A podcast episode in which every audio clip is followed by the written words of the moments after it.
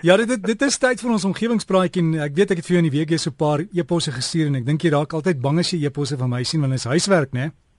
Ja, Derek, maar ek het nou nog nie by jou huiswerk uitgekom nie. So, jy moet maar met my raas vanmôre. Nee, nee, ek is ek stuur dit dat jy kan darm goed huiswerk doen. So ons sal eendag daaroor gesels. Dit gaan maar oor goed soos mikrogolf springmelies en daai goed. Maar Kobus, waar gesels jy vandag? Derek, vanoggend gaan dit maar 'n bietjie oor elektrisiteit. Ehm um, interessant hierdie week dat uh, ons oor die nuus gehoor het dat die regering na die private sektor genader het om Eskom se kolle uit die vuur uit te krap. En uh, ek hoop regtig as ek so 'n stukkie uh politieke kommentaar mag lewer so vroeg op 'n Saterdagoggend dat die mense wat nasionalisering voorstaan deeglik kennis neem hiervan. Maar dis dis goeie nuus want uh die private sektor sal die ding blitsvinnig reg ruk. Maar 'n uh, soortgelyke ding, uh, ons kyk maar na elektrisiteitsopwekking en 'n oulike verwikkeling wat meneer Hein van der Walt onder my aandag gebring het. Uh is dat daar 'n maatskappy in Nederland is met die naam Plant E wat 'n nuwe manier ontdek het om elektrisiteit uit plante op te wek sonder om die plante te beskadig. Die maatskappy gebruik nou hulle plantelektrisiteit om al hulle selfone mee te laai, om hulle rekenaarnetwerke van krag te voorsien en hulle gee selfs elektrisiteit vir 300 LED straatligte naby Amsterdam. Nou hoe werk dit? Plant E kweek plante in kleinerige plastiekhouers en as die plante nou groei, dan fotosinteer hulle en die proses van fotosintese behels dat 'n plant sonlig, water en sekere gasse in die lug dan nou omskakel in suiker. Nou 'n plant gebruik 'n gedeelte van die suikers wat hy vervaardig self in die groeiproses, maar die res van die suiker word in die grond uitgeskei. En in die grond breek die suiker weer op en elektrone en protone word vrygestel en plant E gebruik dan 'n koolstofelektrode om hierdie elektrone op te vang en in hulle stroombane te gebruik. Nou die maatskappy hoop dat hierdie tegnologie verder ontwikkel kan word sodat skoon volhoubare elektrisiteit aan bykans alle mense op aarde gegee sal kan word.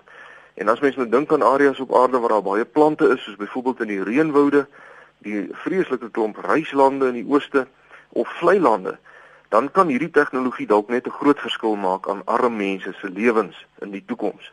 So kom ons hou duim vas dat plant E vinnig sal vorder met hierdie opwindende tegnologiese ontwikkeling. En so gepraat van elektrisiteit, meneer Pieter Gryiling van Sekunda het 'n rukkie gelede vir my geskryf en vertel dat uh, drie dinge uh, in Sekunda nou aan die gang is wat hy die afgelope tyd opgemerk het. Ehm um, hy sê eerstens is daar 'n gebou in Sekunda wat onder andere 'n dagkliniek, mediese spreekkamers en ook 'n groot aantal ander kantore huisves. Maar hy sê op elke vloer brand daar geen ligte in die gange, in die areas voor die huisers of in die toilette nie. Maar daar is sensors wat beweging bespeur.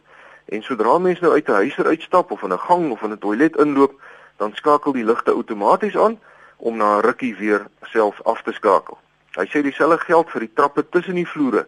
Dit is pikdonker as jy die deur na die trappe toe oopmaak, maar sodra jy die deur oopmaak, dan gaan 'n lig net in daardie gedeelte van die trap aan En soos jy boontoe of ondertoe klim, gaan die ligte voor jou aan en agter jou skakel dit weer af. Op die plek waar jy is, is daar egter altyd lig sodat jy mooi kan sien. In tweede sê hy daar's 'n inkopiesentrum in Sekunda wat sy deure in Oktober 2013 geopen het. En daar is dit net so oulik. In die onderdakparkering is die beligting of heeltemal afgeskakel of baie dof. Motors wat inkom kan mos maar hulle eie ligte aanskakel om te sien waar hulle ry.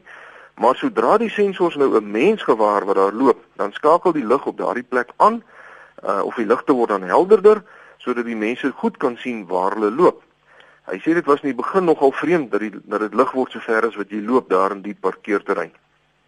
Hy sê verder dat die roltrappe in die sentrum bykans tot stilstand kom as daar nie mense op is nie, maar sodra mense nou naby kom, nader aan die trap, dan begin hy weer teen die normale spoed beweeg. En dit is alles uitstekende maatreëls om elektrisiteit te bespaar. En dan derdens vertel meneer Gryiling dat daar verlede jaar 'n baie luukse hotel op die waterfront in Sekunda geopen het. Die hotel se naam bevat die woord groen wat selfverduidelikend is. Hy sê die hotel se dak bestaan in totaliteit uit fotovoltaïese panele om elektrisiteit uit sonlig op te wek wat in 'n groot deel van die hotel se elektrisiteits- en lugversorgingsbehoeftes voorsien. En hy sê hierdie panele vorm so 'n integrerende deel van die gebou se ontwerp dat dit glad nie onooglik is nie. Ehm um, nou ja, hy wou nou al met die sakeman praat wat die hotel gebou het om te hoor wat dit hom gekos het, maar hy het nou nog nie so ver gekom nie. Maar meneer Greiling eindig sy brief deur te verwys na die wenslysie wat ek op Nuwejaarsdag behandel het. Ehm um, en hy sê sy persoonlike wens is dat daar riglyne of wetgewing ingestel moet word om soortgelyke inisiatiewe landwyd verpligting te maak. Baie dankie meneer Pieter Greiling van Sekunda vir hierdie oulike nuusberig. Uh en ek moet sê ek dink Sekunda verdien 'n pluimpie met sulke mooi inisiatiewe. Meneer Greiling se wens dat sulke uh goed landwyd uitgebrei behoort te word, is egter glad nie ver gesog nie. In hierdie hierdie verband is daar ook goeie nuus want in Augustus 2013 al het die Gautengse regering aangekondig dat hulle sonpanele op alle geboue wat deur die regering besit word, gaan aanbring. Die gesamentlike oppervlakte van al die dakke van regeringsgeboue in Gauteng is 8 miljoen vierkante meter en die hoeveelheid elektrisiteit wat opgewek sal kan word is 300 megawatt. So dis 'n beduidende klompie elektrisiteit. Die projek gaan 11,2 miljard rand kos, wat natuurlik 'n klomp geld is, maar aan die ander kant is sulke projekte broodnodig want die jongste verslae oor klimaatsverandering laat die rooi ligte nog net rooier flikker. Dan verder is ons nasionale departement van openbare werke ook besig om alle staatsgeboue hertoe te rus om hulle meer energie-effektief te maak. En hierdie uh inisiatief gaan 600 000 rand se elektrisiteit per jaar bespaar. En dan is daar ook nuwe energie-effektiwiteitsregulasies in die nasionale energiestrategie ingeskryf wat van toepassing is op alle residensiële en kommersiële geboue plekke van aanbidding, skole, universiteite en kolleges en ook hospitale. En hierdie regulasies maak dit verpligtend dat alle nuwe geboue ontwerp en gebou moet word sodat alle funksionele vereistes met die minimum energiegebruik bevredig sal kan word. En dis presies die tipe goed wat meneer Greiling van Sekunda van vertel het wat nou verpligtend word vir alle nuwe geboue en dis natuurlik uitstekende nuus. Nou goed, tot sover die elektrisiteit. Omgewingsvriende, ek wil graag ook ietsie anders sê vir oggend. Uh dit is 'n briefie wat ek ontvang het van meneer Charles Beeks. Uh ek het verlede week oor die bye gepraat, vir oggend oor plastiek. Hy sê hy het so 'n paar weke gelede 'n berig gelees dat daar 18 ton plastiek in die see beland het en dat die groeiende hoop gemors minstens 18 spesies se voortbestaan bedreig. Die berig het gemeld dat 44000 organismes oor 'n tyd in die plastiek gemors verstrengel geraak het en dan gevrek het nadat hulle plastieksakke ingesluk het of op 'n ander manier met die plastiek te doen gekry het. Hy sê plastiektoue, nette, sakke en brokstukke is die grootste sondaars wat die diere doodmaak en net in 2012 is daar 288 miljoen ton plastiek wêreldwyd vervaardig waarvan slegs 'n gedeelte gehersirkuleer word. Hy sê plastiek is bykans op enige plek in die oseane al gevind, selfs tot in die arktiese dryfys en dit word beraam dat daar 245 miljoen ton plastiek in die vullishoop is wat in die Stille Oseaan ronddryf daar naby Hawaii.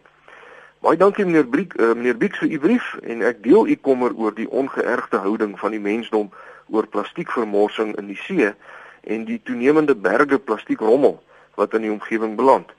Maar ook hier is daar gelukkig goeie nuus want ek sien al hoe meer artikels wat gaan oor die hergebruik van plastiek. En die nuutste is dat afvalplastiek as aggregaat in beton gebruik word. Daar's baie navorsing aan die gang oor die hergebruike van plastiek.